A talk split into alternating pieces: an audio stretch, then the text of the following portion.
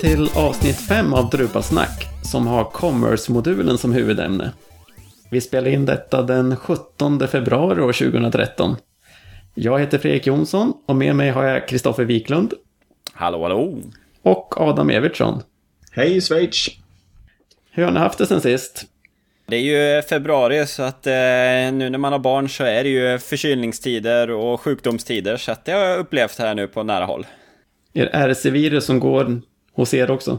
Nej, det var en öroninflammation som jag åkte på för första gången i livet och sen är det lite vanliga, såhär, vanliga förkylningar.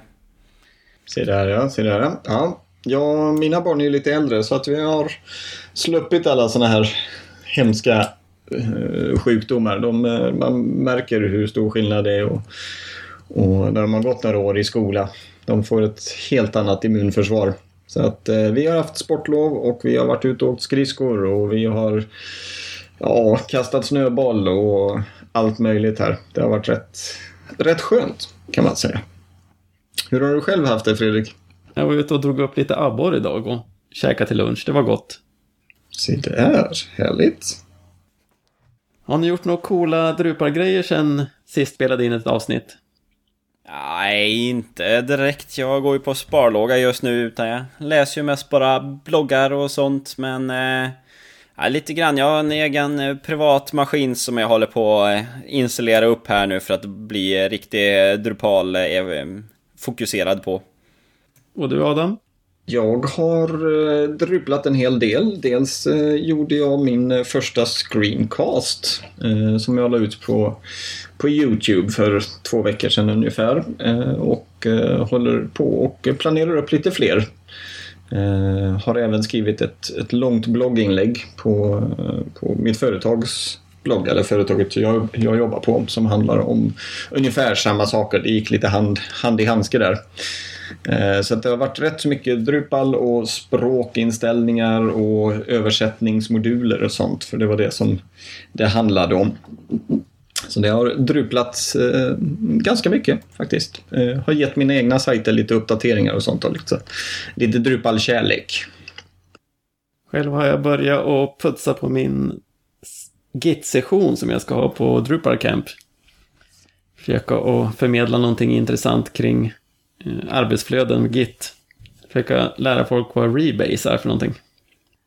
Ja, det, det, finns mycket att lära sig inom Git. Jag håller på att försöka lära mig det här NoFF. Eh, att börja använda det istället, för det är fortfarande hyfsat ny till Gits olika kommandon och sånt. Har ni testat på några andra versionshanteringssystem? Vi körde eh, SVN Subversion på Kodamera innan eh, Drupal 7 kom ut och de gick över till Git. Eh, så det har jag haft lite erfarenheter av och jag får väl säga att Git är mycket enklare, tycker jag. Det är,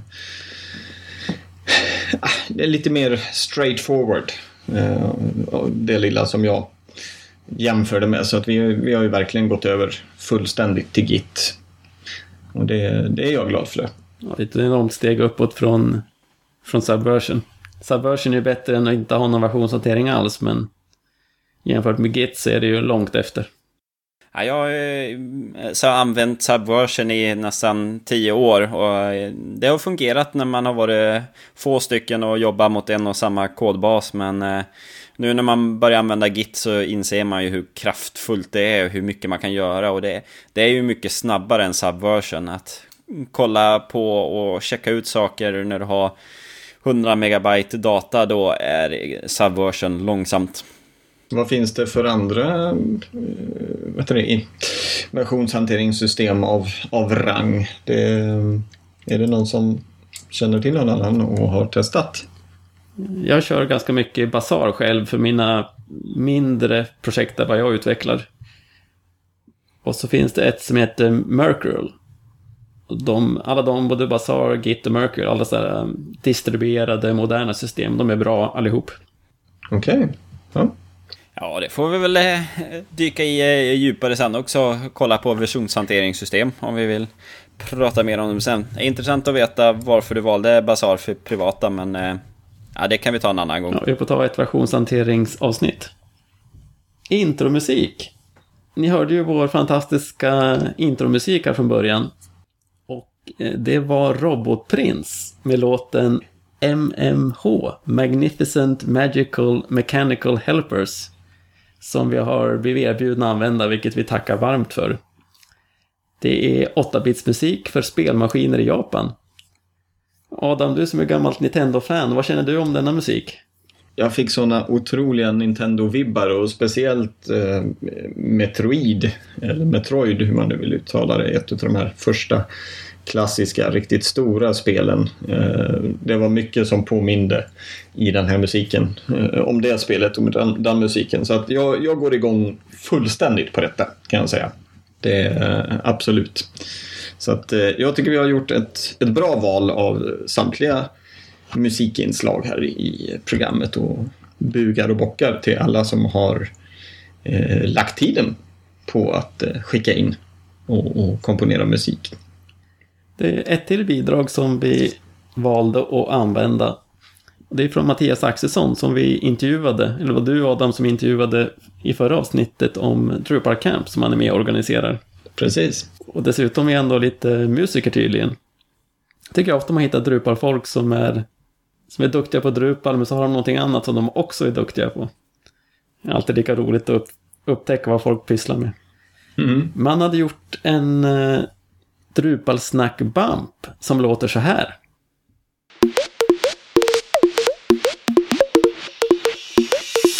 Drupal snack. Den tänkte vi köra lite här och var i programmet, för den var himla kul tyckte vi. Så tack Mattias för det. Ja, och det är ju lite grann, lite snacks lite grann här nu och lyssna på oss. Så att eh, jag tycker det är kul med den, med det engelskans Drupal snack. Ja, Kristoffer, är du redo för eh, det här avsnittets huvudämne? Det är ju du som eh, har någon riktig erfarenhet av commerce-modulen. Ja, eh, jag har byggt några stycken sajter i Commerce och jag tänkte först mm, förklara lite grann hur Commerce är uppbyggt som. Eh, lite tankar och funderingar om struktur för att sedan gå in och prata lite mer om eh, implementering och också Commerce eh, Kickstart. Eh, men först och främst, eh, Drupal Commerce, det är ju den betalningsmodulen, eller modulerna, som eh, används i Drupal 7. I Drupal 6 så var det Ubercart som var den eh, webbshoppen som, webbshopsmodulen som man använde. Eh, sen eh, börjar man porta det hela till sjuan, men killen som har varit bakom eh, Ubercart kände att eh, nu finns det läge att göra om, göra rätt. Eh, och för mm, ju mer de hade jobbat i Ubercart, ju mer kände de att vissa saker blev man fick fulhacka till saker lite nu och då och eh, sedan utnyttjar man inte eh, övriga Drupals styrkor utan eh, man byggde mycket eget. Så därför så, hans idé med eh, Drupal Commerce, det är att helt enkelt använda de sakerna eh, som finns eh, i, i Drupal. Så man använder entities som finns med i kärnan. Sen använder man views och man använder rules. Och sen har man lite kod för att limma ihop det hela. Um, och um, det är ju så här... Um, commerce kan bli ganska komplicerat. Och det är på grund av att butiker är, det är komplexa saker. Eh, när man tänker att eh, ja, ja, men vi ska ha listat antal eh, produkter och de har ett pris och sen ska man kunna köpa det hela. Eh, men så är det inte riktigt. Man, eh, man har momsatser som ska dit, man har leveransadresser och man har betalningssätt. Man ska kunna betala med olika kort eller via olika saker och sen så har man storlek och färg och ja men det, då blir det komplicerat. Så eh, och det, komplexen det kommer ju Mm, komplexiteten den kommer ju från att eh, om man tänker sig att man säljer t-shirt. Eh, då, eh, då när man säljer den så eh, har man kanske olika storlekar på den. Och eh, då är ju frågan, är en small t-shirt och en medium t-shirt, är det samma produkt när det är samma tryck och modell? Eh, och på ett sätt så är det ju samma produkt ut till slutkund. Men egentligen så är det ju olika produkter för man har olika artikelnummer. För om du ska ringa eh, till din leverantör och säga jag vill ha eh, fler t-shirtar. Då säger du inte vilken modell och med vilken storlek utan du ger dem ett artikelnummer. Och sen så då, då vet man att det är den modellen med den storleken. Och det, det här har man ju då använt i commerce. Så man har skapat en, eh, en, en entity som heter product types. Eh, där man eh, då kan definiera upp hur produkter eh, ska definieras. Och då, där, de, en produkt den ger man ju titel och man kan ha attribut som att säga att, det här, att den har storlek. Och där blir ju det att varje produkt blir ju då har ju en titel och en storlek och den eh, kanske har, eller den har ju ett pris också för den delen. Eh, men då, för slutkunden, då vill man ju kunna visa dem som en produkt. Och då, då skapar man en vanlig content type som heter eh, product display, är det vanligaste namnet. Man, man kan döpa den olika som man vill. Och i sin product display så har man en referens till en eller flera produkter. Och i fallet med t-shirtar, då refererar man ju eh, alla t-shirtar av den modellen. Eh, och sen när man då visar upp eh, product display, då den här eh, produktreferensen, den, den blir då en köpknapp. Och har man refererat olika produkter, olika storlekar, då kommer köpknappen ha också en möjlighet att ändra storlek. Och då blir det, det en Ajax-förfrågning som gör att ändrar man storlek, då laddas sidan om med nya produkten. För man kan ha olika bilder för de olika storlekarna. Och det är ju här komplexen kommer ifrån att man ska vara så generell. För att den här bilden för en t-shirt vill man att den ska vara samma för alla storlek, storlekar, då sätter man ju ett bildfält på Product Display. Men vill man ha olika bilder för olika storlekar, då sätter man ju den bilden på eh, Product-typen. Och eh, det finns lite hjälp att få den här administreringen enkel ut mot slutkund för att, eller de som administrerar butiken, för det är inte alla som förstår den här äh, skillnaden mellan product display, att den är länkad till products. Eh, men den tanken måste man som eh, commerce-utvecklare greppa och förstå. Eh, den är ganska viktig att ta till sig. Håller man på och säljer saker och är man, är man, kommer man från den branschen, då tror jag att det är mycket lättare att förstå, för där är man då mycket mer van att tänka på det sättet. För att menar, har man slut på en sorts um, t-shirt av svart färg så vill man ju att det ska synas i systemet. Att det, det ska ju vara en egen artikel. Att man har hundra kvar av de vita är helt ointressant om det är slut på de svarta. Mm. Eh, eh, ja, vissa har det, vissa har det inte. Och, och det är där man får lära klämma och känna lite grann på sin slutkund. Vissa de förstår det hela, vissa har svårt för det hela. Det beror på vilken nivå man lägger det hela. Av, de, eh, av, av alla de eh, webbarna som ni har byggt med utifrån eh, commerce, hur många är det som har en, om man bara generaliserar, hur många hajar det här från början. Jag har väl varit med och lanserat tre webbshoppar. Och de eh, webbshopparna har varit eh, en, en publik, en eh, helt intern och sen en som har legat lite mittemellan där eh, utbudet har varit publikt men eh, man behöver inloggning för att få köpa och då visas priser. Mm. Och eh, där, eh, ja jag skulle säga 50-50 på de tre fallen. Mm. Så har kunden förstått det hela. Någon har väl halvt förstått det hela. Mm, det handlar ju där om att så här, se hur vill kunden jobba med sina produkter som. Eh, har den ett lagersystem som det ska pratas med, då, då är den här uppbyggnaden väldigt bra.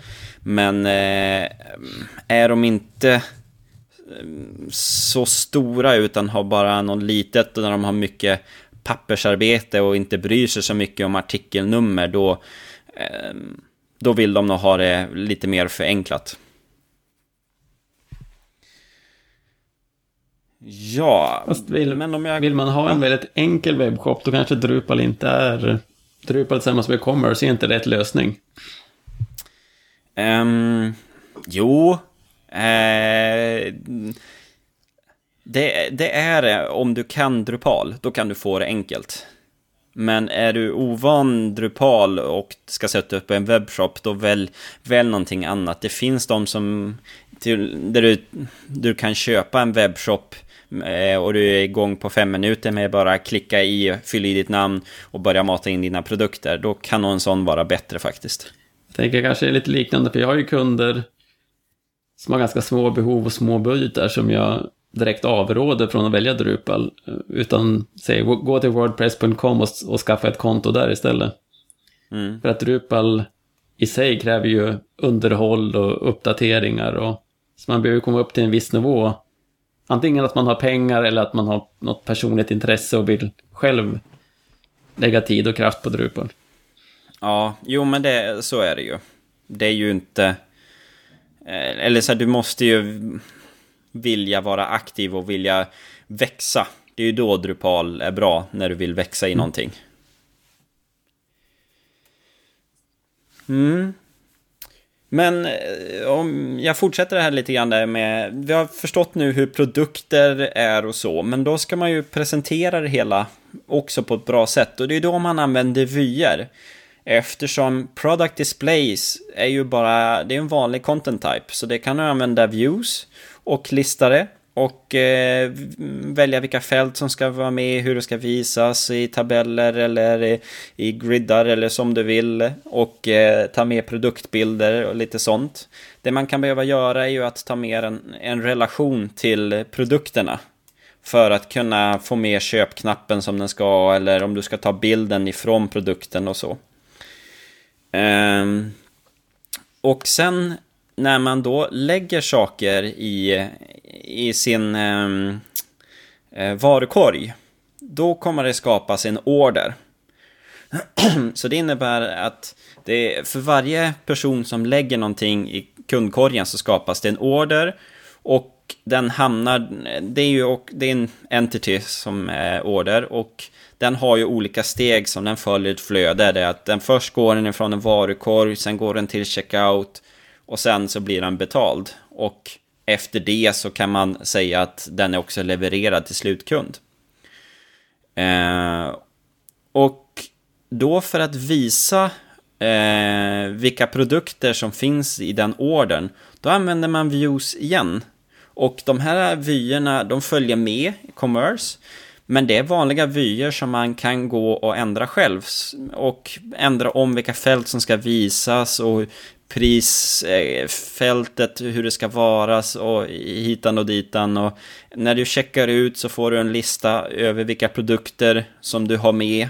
Och det är samma sak, det är en vy där. Och, Ehm, ehm, och i, såhär, i, i den vyn så eh, finns det ju också, listar ju upp det här med eh, skatt, eh, eller momsen med det. Eh, det, momsen är, är en produkt, men den har produkttypen moms, så därför listas den lite annorlunda. Eh, och när man har kommit igenom den biten och sen när man ska göra betalningen så då har man installerat in olika betalningsmoduler. Och eh, som, som till slut uppdaterar orden och säger att den är betald. Eh, det följer med en exempel eh, betalningsmodul där för att slutföra köpet så ska du skriva in ditt namn. Det är allt som behövs. Sen finns Paypal-modul som egentligen bara kräver att du skriver in din eh, Paypal-e-mail. Sen är du igång. Då har du Paypal-integrering med eh, din shop. Eh, det finns Klarna, eh, där, där krävs det lite mer eftersom Klarna vill gärna, mm, den vill kolla din shop innan de sätter ditt konto live. Ehm, och de här betalningsmodulerna, eh, för att säga att de finns, det de gör då det är att de har, eh, de har deklarerat, eh, eller egentligen rules.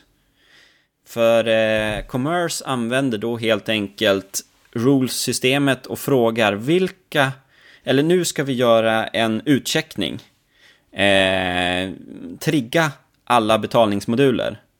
Och då kommer betalningsmodulerna som är en, en regel komma då och säga ja men jag finns här. Och det innebär då att du kan också lägga till lite eh, valmöjligheter som säger att du måste betala eller måste köpa för minst 500 kronor för att den här betalningsmodulen ska laddas. Till exempel att eh, Klarna, den ska inte laddas när du köper för mindre än 500 kronor, för då blir fakturaavgiften så dyr. Då är det bara Paypal som gäller. Ehm, eller eh, kan du kolla, levereras det här eh, utomlands? Ja, men då då ska vi ändra priset på produkterna eller vi ska mm, se till så att vi eh, vi eh, förhindrar någonting eller gör det hela. Så att man har rules styrka med där i betalningsmodulerna. Men det används också med leverans. Där är det också eh, det är rules som används där. För du kan definiera vilka regler som ska gälla för leveranser. Ehm, att eh, till exempel handlar du för mer än 1000 kronor, då är det fraktfritt. Och då har man skapat en leveranssätt eh, eh som är gratis. Men den visas bara när priset på orden är högre än eh, 1000 kronor. Och de här tusen möjligheterna som finns i commerce innebär att Eh, det går att lösa allt du behöver, men eh, det är också lite jobbigt att ställa in innan du har blivit varm i kläderna. För att hitta interfacet, det tar lite tid. Det är, det är som ett litet Drupal i Drupal, själva commerce. Eh, för commerce är uppbyggt med moduler. Eh, eh, så leveransdelen det är en egen modul, betalningssätten är egna moduler, momsdelen är egna moduler. Eh, varukorg, det är en egen modul. Eh, för check, eh, men har du checkout då behöver du en varukorg. Men du skulle kunna göra, skippa checkout-delen utan bara ha varukorgar och sedan har man en annan del för betalning, att man kanske har lagt det hos en tredje part och så. Så att eh, det är väldigt modulärt. Um, så det är väl lite grann hur commerce funkar. Har ni, hänger ni med när jag snackar här nu? Ja, jag såg en himla bra eh, video från DrupalCon Chicago som eh, men det är från han eh, huvudutvecklaren av commerce den videon är helt klart värt att spana in. Vi lägger in den i våra, våra länkar. Han drog igenom det ganska likt det som du drog igenom. Plus att han då visar i videon, så kan man se, Eh, så visar han hur sakerna fungerar. jag måste vara rätt imponerad bland annat hur momshanteringen fungerar. För i Ubercart så var ju det ett, ett mörker att få till att fungera. Det var, det var liksom påklistrat i efterhand när man kom på oj, europeer och sånt där, de ska ha massa eh, vatt och moms och sales tax och sånt här. Så det var allt var krångligt att få till. Men i e-commerce så verkar det, det är inbyggt från grunden. Och man kan eh, ställa in själv, vill jag mata in priserna eh, inklusive moms eller vill jag mata in dem exklusive moms. Man kan visa för privatpersoner kan man visa priset inklusive moms, för företagskunder kan man visa det exklusive. Och, så, och det bara fungerar. Men som, som, du säger, det är en hel del att ställa in. Eh. Vad jag kunde se, men otroligt flexibelt.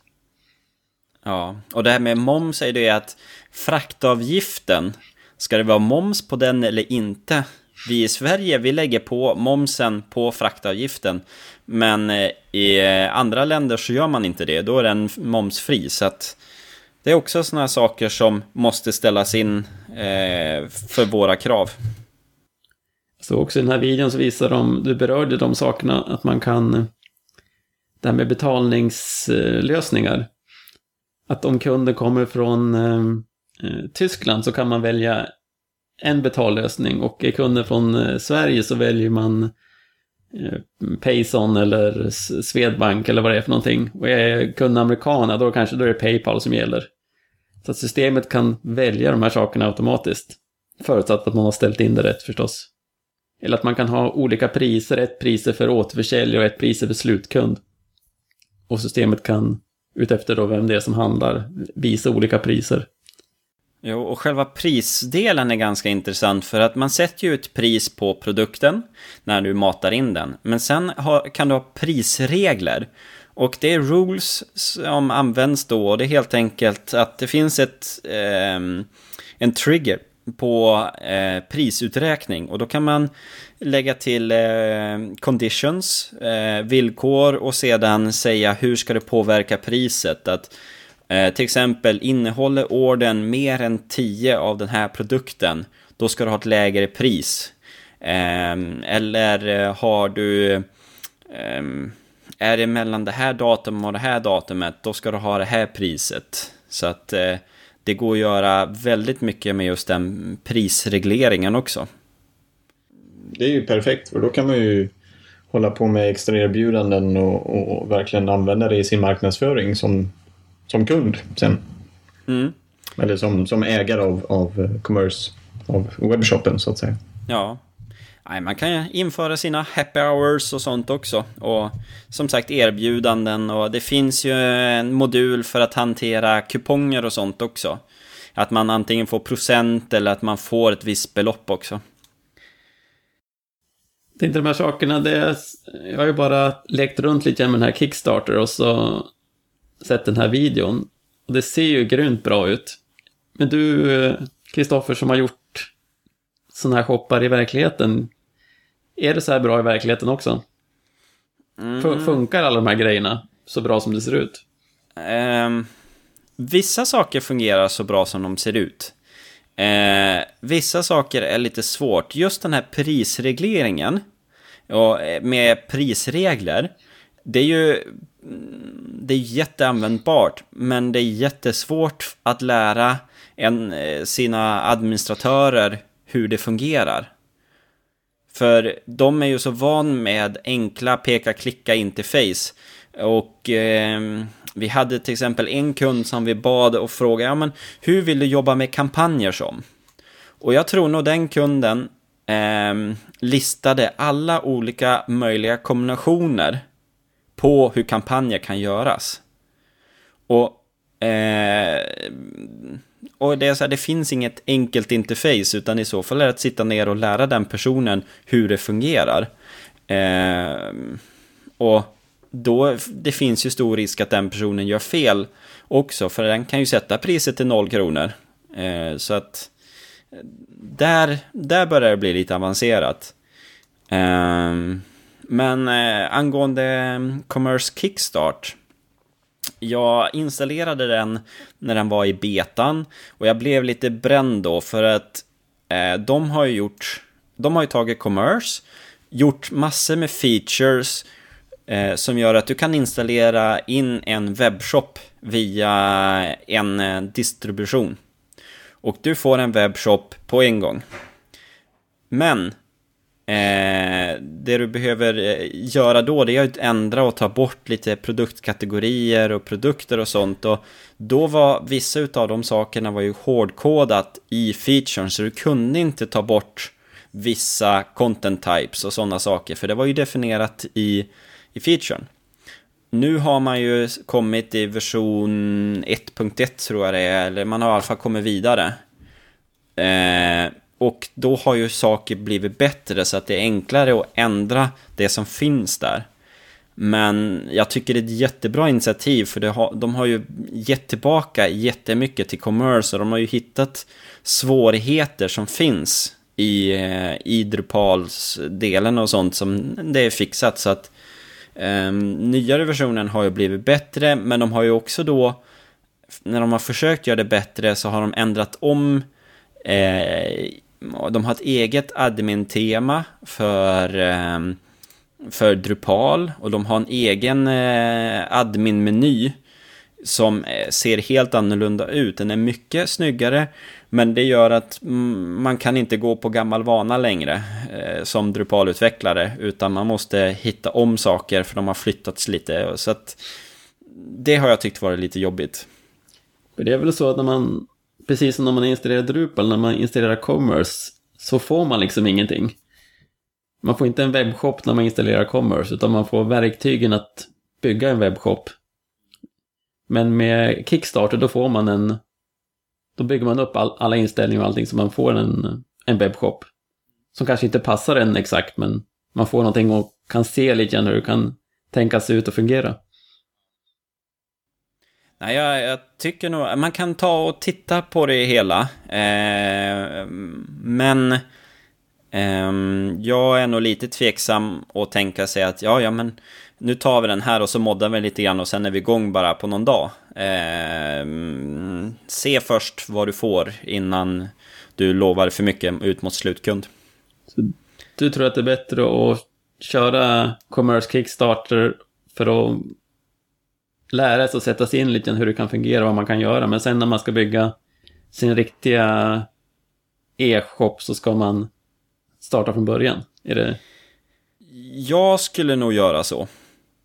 Eh, för jag vill ha det på ett visst sätt oftast. Eller jag, ja, jag har inte riktigt blivit vän som sagt med Kickstart. Ehm, men jag tycker det är ett bra initiativ. Ehm, jag kommer väl få brottas lite grann mer med det sen. Ehm, kan du, eh, om, om man utgår bara ifrån Kickstart, Commerce Kickstart, eh, kan du tänka dig någon som skulle kunna installera den och komma igång med en butik rakt av?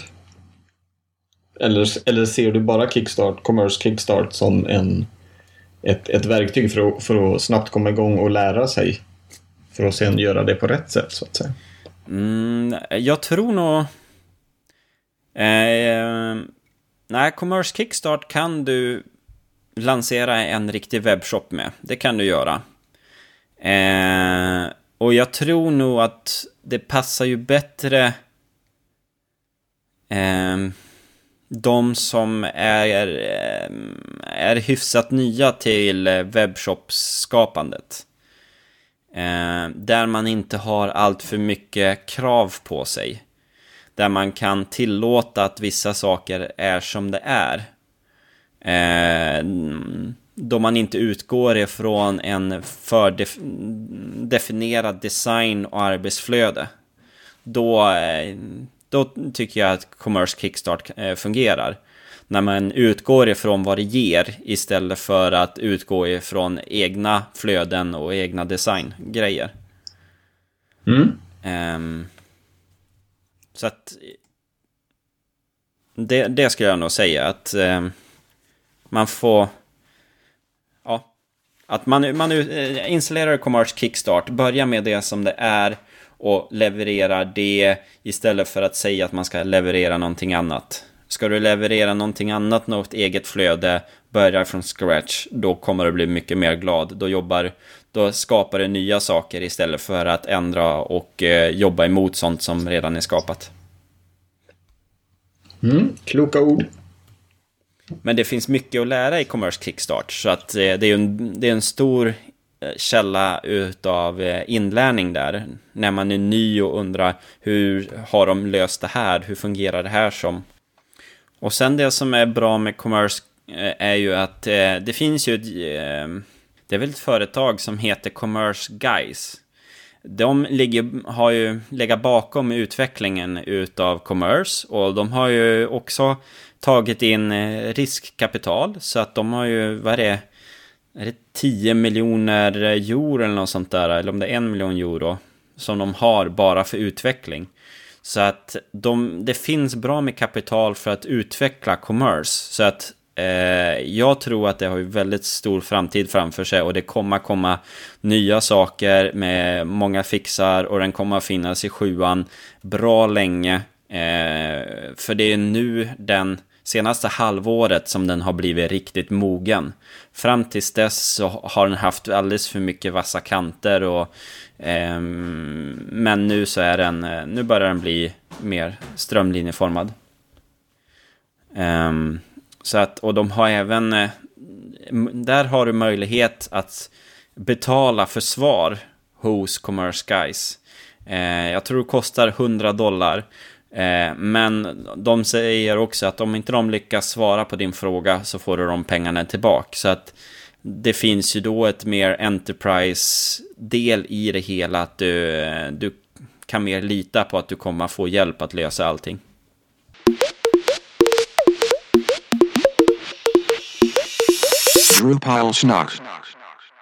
Ja, tack så mycket för det Kristoffer. Det var himla intressant. Jag ser faktiskt fram emot att kanske få sätta tänderna i ett e-handelprojekt. Ja, det är absolut någonting man kan erbjuda eh, bloggare. Att säga det att ja, men du har ju din eh, Drupal eh, blogg här, men eh, vill också ha en liten webbhandel där du kan sälja små saker, lite giveaways och lite sådana saker. Så det är väldigt enkelt att lägga på. Så att, eh, och det ökar ju värdet för dem, att de ska kunna eh, kunna ge eh, mer till sin blogg och tjäna lite mer pengar och så. Har ni själva några e-handelprojekt ni skulle vilja dra igång eller fantisera om? Ja, det är väl sådana som eh, fantiseras om. De eh, hålls väl hemligt. ja, det är rätt. håll, håll företagshemligheterna hemliga. Eh, vi kan väl eh, nämna några eh, svenska sajter som eh, kör Drupal Commerce. Eh, vi har eh, på Kodamera så vet jag att vi har gjort eh, Offside i eh, vad heter det, i Drupal Commerce. alltså fotbollstidskriften. Den har en liten commerce-indelning också. Ja, och eh, de jag har jobbat med, jag undrar vilken ordning vi ska ta men vi kan, eh, vi kan börja med den som jag fick jobba ganska mycket med. Det är eh, Nonic, eller Noniq. Eh, det är eh, hudvårdsprodukter, ekologiska hudvårdsprodukter. Eh, den är en responsiv webbshop.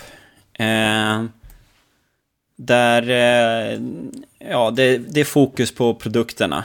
Eh, där man då kan köpa dem direkt i webbshoppen där och eh, det finns, de har jobbat mycket med kampanjer och eh, produkterna är indelade dels kategorier men också i olika serier. Så att där kan man använda views och dela upp det. Så att den är, den är väldigt stylad och den är vi väldigt nöjda över.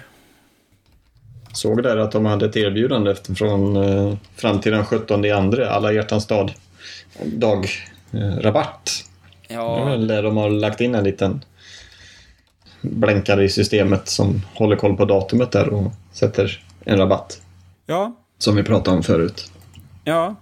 Sen har vi eh, Anytech. Eh, är ju båttillverkare. Där, har ju, där finns en OF-zon för återförsäljare, men där finns också en webbshop.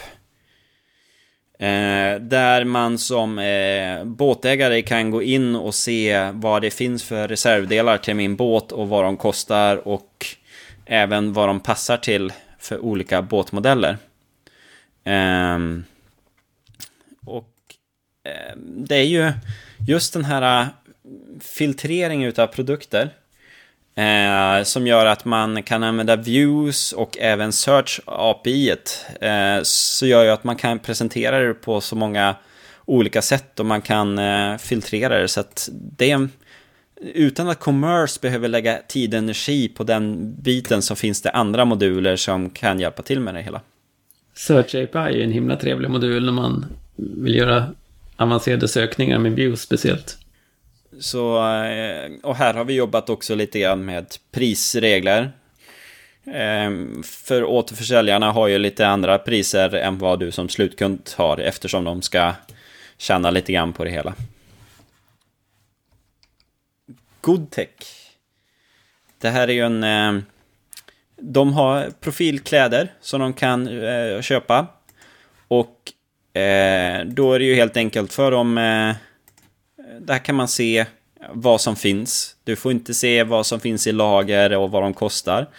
Men eh, har du fått access till systemet så då finns lagerhållning där och eh, med eh, beställningsformulär och olika vars fakturadresser ska gå och leveransadresser och den har även sån här funktion som gör att när du är inne och tittar på en bild så då kan du zooma in och få en, en, ehm, en närblick på produkten. Så att eh, det är väl de tre stora som jag kan känna att jag är hyfsat nöjd med. Jag har gjort några till också men eh, det är mer i övningssyfte.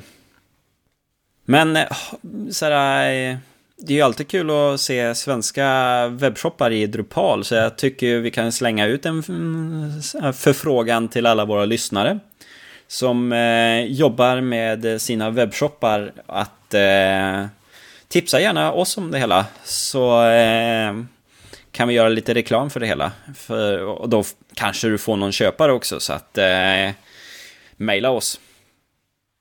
Precis. Skicka in till oss så kan vi prata om det lite, lite snabbt i nästa program. Då var vi klara med eh, vår lilla eh, commerce-diskussion och eh, till kommande program så tänkte vi be er som lyssnar på vår eminenta podcast att skicka in modulförslag. Moduler är alltid kul att testa, läsa om och se vad de gör och hur de kan eh, lyfta en Drupal-installation med olika funktionaliteter. Eh, det har varit väldigt populärt när vi har dratt våra listor som vi gjorde i första och andra programmet med de tio moduler som vi tycker om. Eh, och eh, även att vi tipsar om någon modul här och där. Det är alltid uppskattat. Så vi skulle även vilja höra vad ni lyssnare har för moduler som ni vill lyfta fram. Så att skicka in ett litet mail till vår mailadress på info med modultipset och eh, kanske en liten motivering varför ni tycker att den är så bra att, och eh, varför ni vill dela med dig av, eh, av modulen. Så en liten uppmaning så kommer det förhoppningsvis ett helt program bara med modultips längre fram här i vår. Och på tal om att skicka in eh, e-post och liknande till oss så har vi en lyssnarfråga från Simon.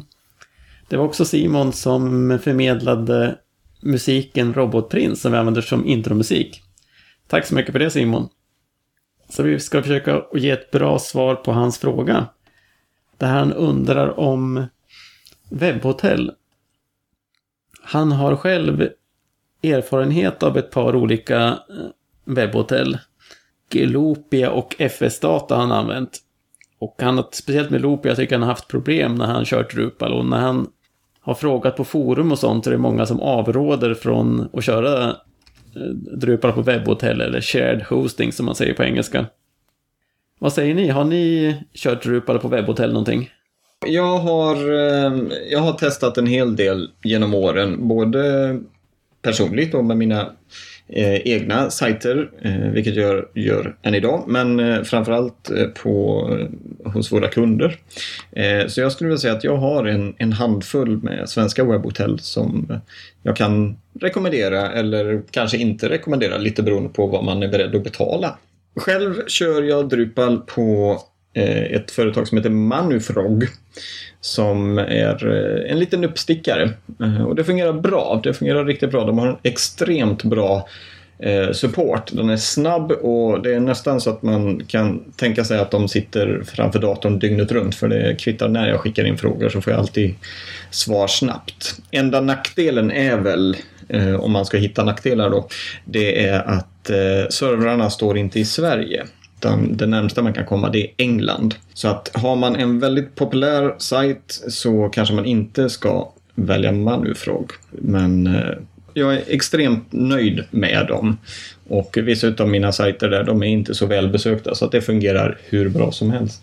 Jag har också kört eh, Drupal hos Binero. Dock inte på deras eh, lite dyrare konto som de rekommenderar utan det här var på de vanliga webbhotellskontona. Och eh, då blev det tyvärr lite väl segt. Så att eh, eh, när de förordade att jag skulle gå upp till ett konto som, som klarade av Drupals, alltså där man kunde få mer minne, då, då blev det lite för dyrt för, för min personliga kassa. Eh, annars, eh, Lopia har jag haft bra erfarenhet av, både att köra webbplatser som deras support eh, och även Oderland eh, som ligger i närheten av där jag jobbar, då, så de ligger i Kungsbacka.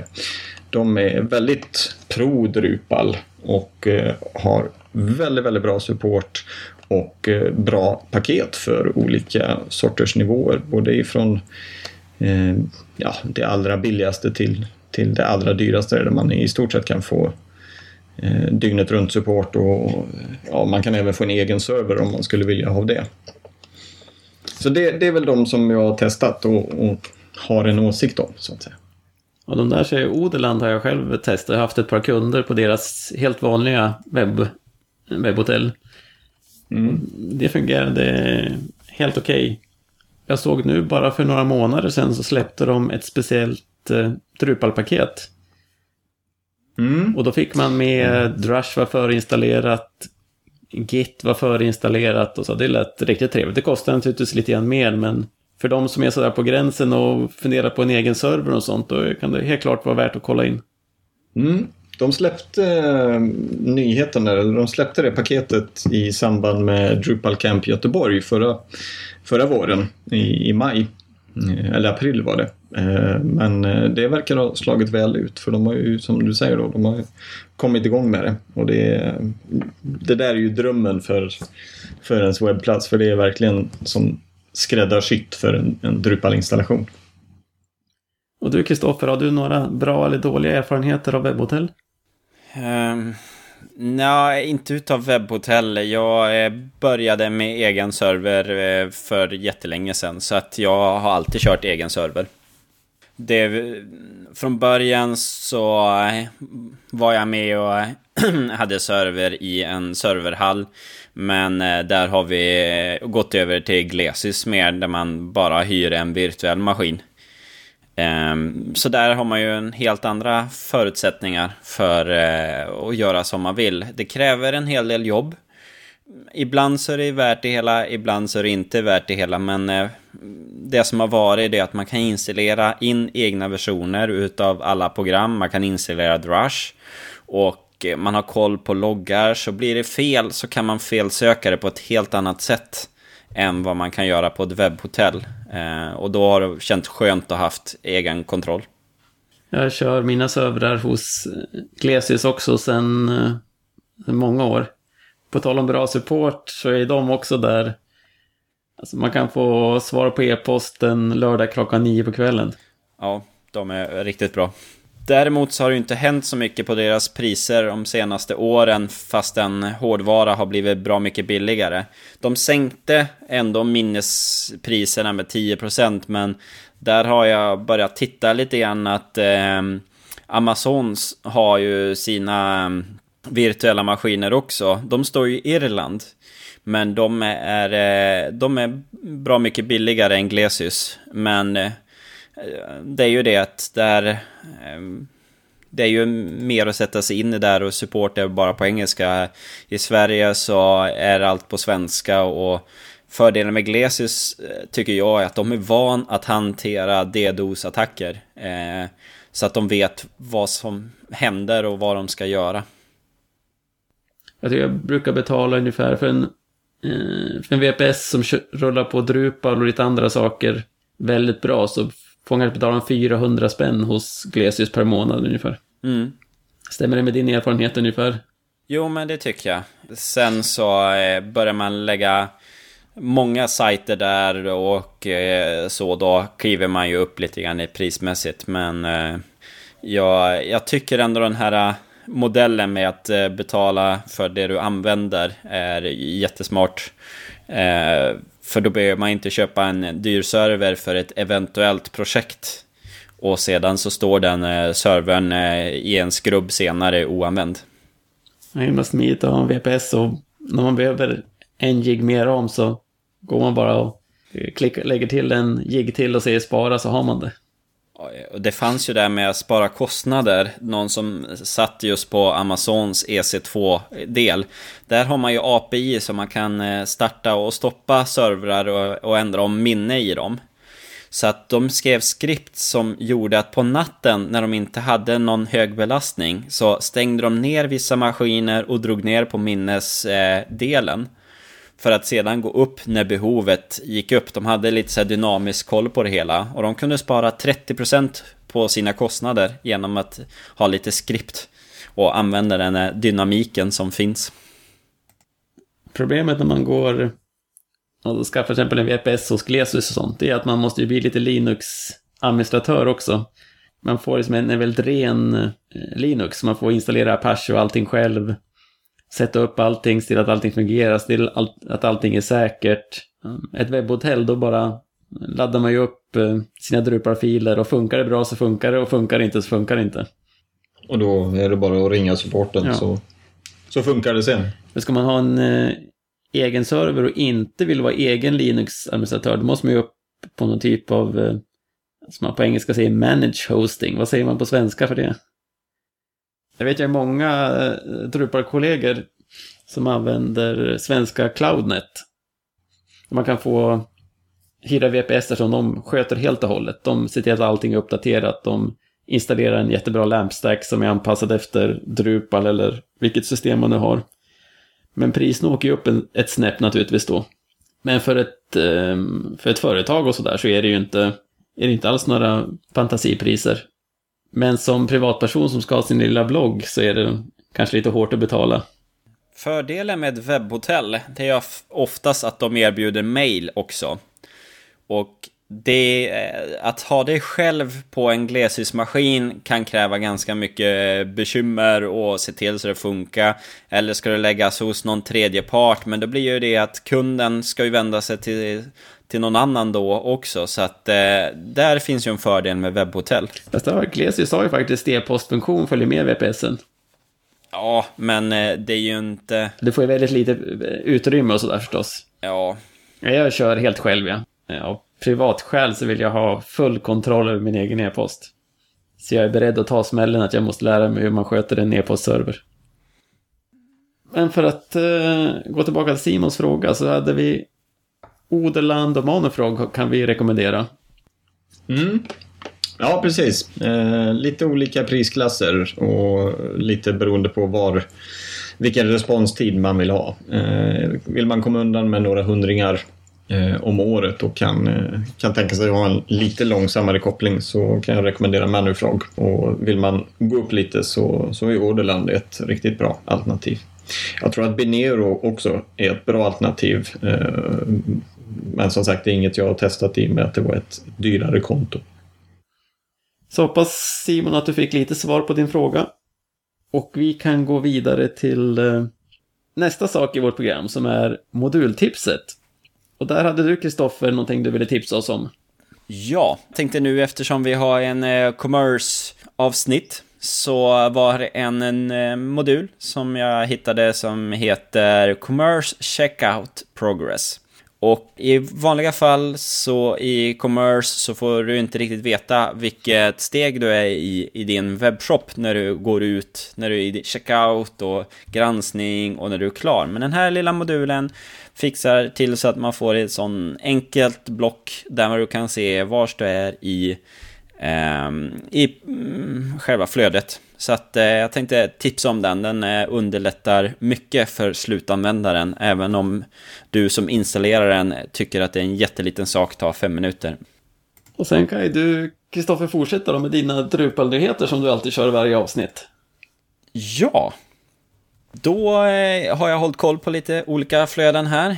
Eh, första är eh, på Group som har gjort lite reklam om eh, Drupal Go Together den 27 februari 2013. Och det kan nog du mer om Adam. Precis, det är ju mina faggor här nere och det är webbyrån Rabash som håller i eh, faktiskt den första Get Together här under våren. Och eh, som du sa, 27 februari, så att det är om eh, lite mindre än en vecka eh, ungefär. Och eh, de kommer att hålla lite eh, föreläsningar kring intranät, hur man använder Drupal som ett intranät. Vilka fördelar, vilka utmaningar och eh, hur det fungerar både ur ett användarperspektiv och ur ett utvecklarperspektiv. Och sen kan man ju nämna att de bjuder på läsk, öl, nypoppade popcorn. Och då är ju jag självskriven. Jag missbrukar nästan popcorn. Så att jag ska dit och hoppas att vi kommer att bli ett trevligt gäng som får besöka Rabash. 27 februari. Ja, och det var anmälan på det hela eftersom man fick lite tilltugg. Och jag ser att redan 20 stycken är anmälda på Facebook-eventet. Kul, kul. Nästa nyhet som eh, dök upp i flödet, det var en bloggpost som handlar om eh, teambuilding. How to spot a bidding Drupalist egentligen så handlar det här mer om själva rekryteringen utav en Drupal-person. Eh, vad ska du titta efter och vad är eh, viktigt att veta? Det som var intressant där också, det var att de hade två länkar där till eh, vad, vad är det för krav, eller vad är det för eh, Eh, erfarenhet och referens, inte referenser, men eh, skills. Vad heter det? Det heter så mycket som färdigheter, ja. Där man har front-end skills of a successful front-end developer. Och det här var helt enkelt en artikel som finns under aboutdrupal.org, eh, eller under about där på Drupal. Så har man gjort att man har listat vad en front-end developer Eh, behöver för kunskaper. Och det finns även vad en ehm, eh, backend-programmerare behöver för kunskaper. Och jag tycker det var jättesmart att man här har definierat upp exakt vad som krävs och vad, vad man ska göra. Så här kan man ju för egen del kunna bocka utav, men även eh, ge till ens HR-avdelning när de ska anställa någon och säga det här, det här behöver vi från en Drupal-person. Hitta en sådan. Så att eh, det tycker jag ändå var schysst att eh, Drupal eh, tillhandahåller. Kunde du bocka av alla grejer där själv? Inte riktigt allt. Several years developing websites for enterprise clients. Den, eh, den är jag inte riktigt uppe i eftersom jag kommer från en .NET-miljö där man jobbar med andra saker. Så att kanske jag uppfyller nog mycket här, men inte allt. På mycket god väg om ett annat. Eh, nästa eh, nyhet jag såg i flödet, det var en länk från DrupalCon Sydney. Det var ju här 6-9 februari så har de ju haft där och det sålde ju slut och det var ju jättekul.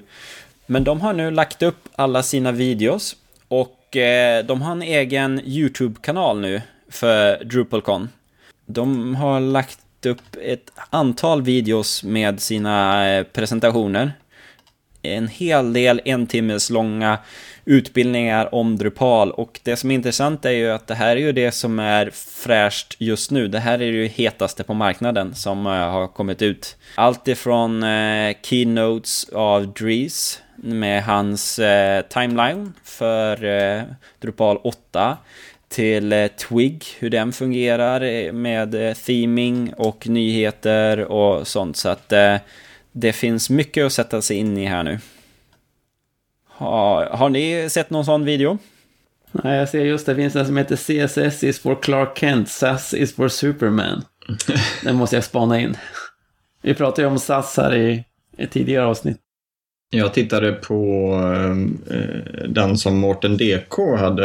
Eh, jag tror det var första eller andra dagen där nerifrån. Jag kommer faktiskt inte ihåg vad, vad den hette. Jag hittade den inte här. Jo, men den finns där. Eh, The Angry Themer heter den. Heter den så? Ja, eh, DrupalCon Sydney, The Angry Themer. Du kan se ja, den på YouTube också direkt. Mm, ja, precis. Eh, han fokuserade eh, mycket på... Nej, det var inte den här jag såg. Jag tyckte jag fokuserade mycket på, på Drupal Association och communityn. Kanske var en annan Drupal-kon du såg för dem. ja, jag hade för mig att det var via DrupalCon Sydney. Men ja, jag kan ha drömt det också. Och sista bloggen som jag eh, såg, som jag tyckte var intressant, det är eh, Responsiva or Adaptive Image.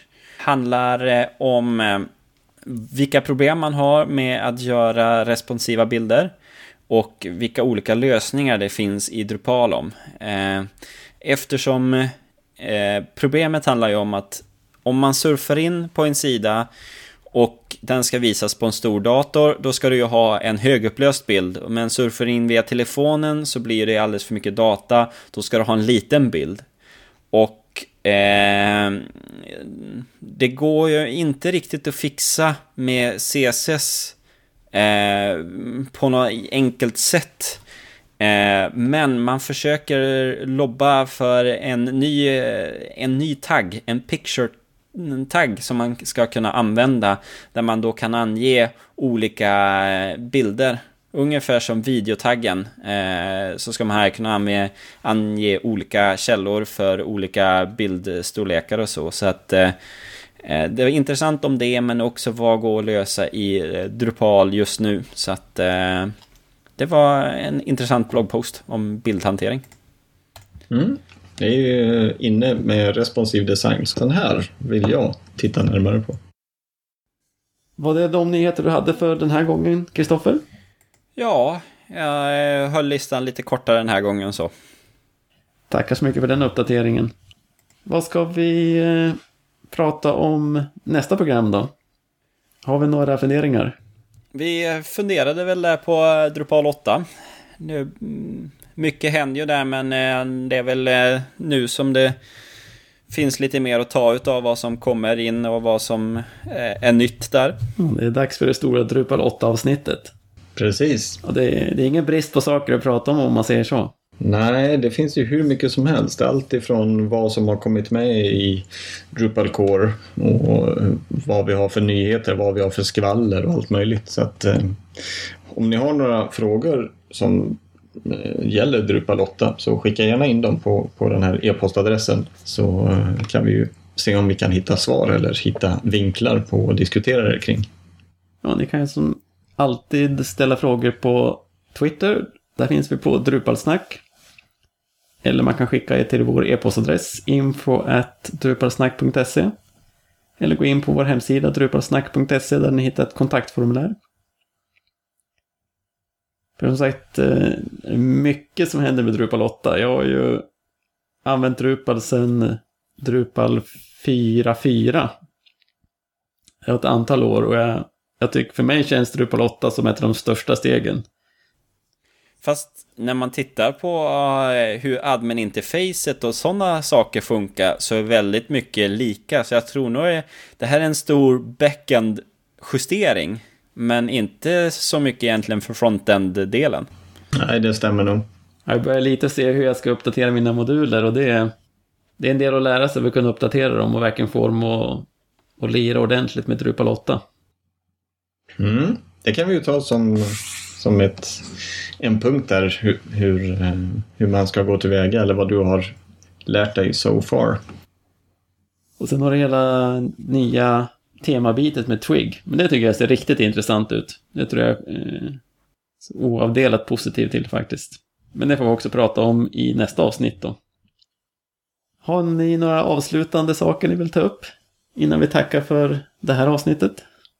Ja, en liten påminnelse där. Glöm inte och så fort ni har lyssnat färdigt på det här eh, avsnittet av Drupal Snack så sätter ni er ner och eh, mejlar till oss med era modultips så att vi kan fylla ett program med det. Och sen hoppas vi att vi ses eh, på Drupal Camp i Stockholm. Jag hade nog tänkt intervjua lite personer där och så, och så ville vara med och prata, så sök upp mig. Jag kommer ju finnas där. Jag tänkte just det, Kristoffer, att vi borde göra lite intervjuer och sånt där. Det hade du redan tänkt på. Perfekt. Jag ska ta med min mik mikrofon tänkte jag i alla fall, den är portabel är bra. Jag tänker ta med min, men den är inte portabel för jag måste koppla in en bärbar dator. Men hoppas att ni som har lyssnat har haft någon utbyte av det här avsnittet. Vi tackar så mycket för att ni har lyssnat ända hit. Och eh, tack Kristoffer och tack Adam. Och tack Fredrik. Så hörs vi igen om ungefär två veckor när vi pratar om Drupal 8. Tack för oss och hej då! Hej då! Hej!